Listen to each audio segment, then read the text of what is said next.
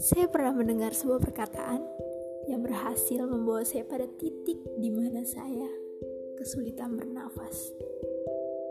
Jantung saya berdebar sangat kuat, bahkan saya tidur sama sekali tidak nyenyak. Terdengar berlebihan memang, tapi serius, beliau mentor saya bilang, jangan pernah menolak gelisah. Karena dari gelisah kita akan banyak belajar untuk berubah. Ini waktunya. Berhenti gelisah dan banyak berubah.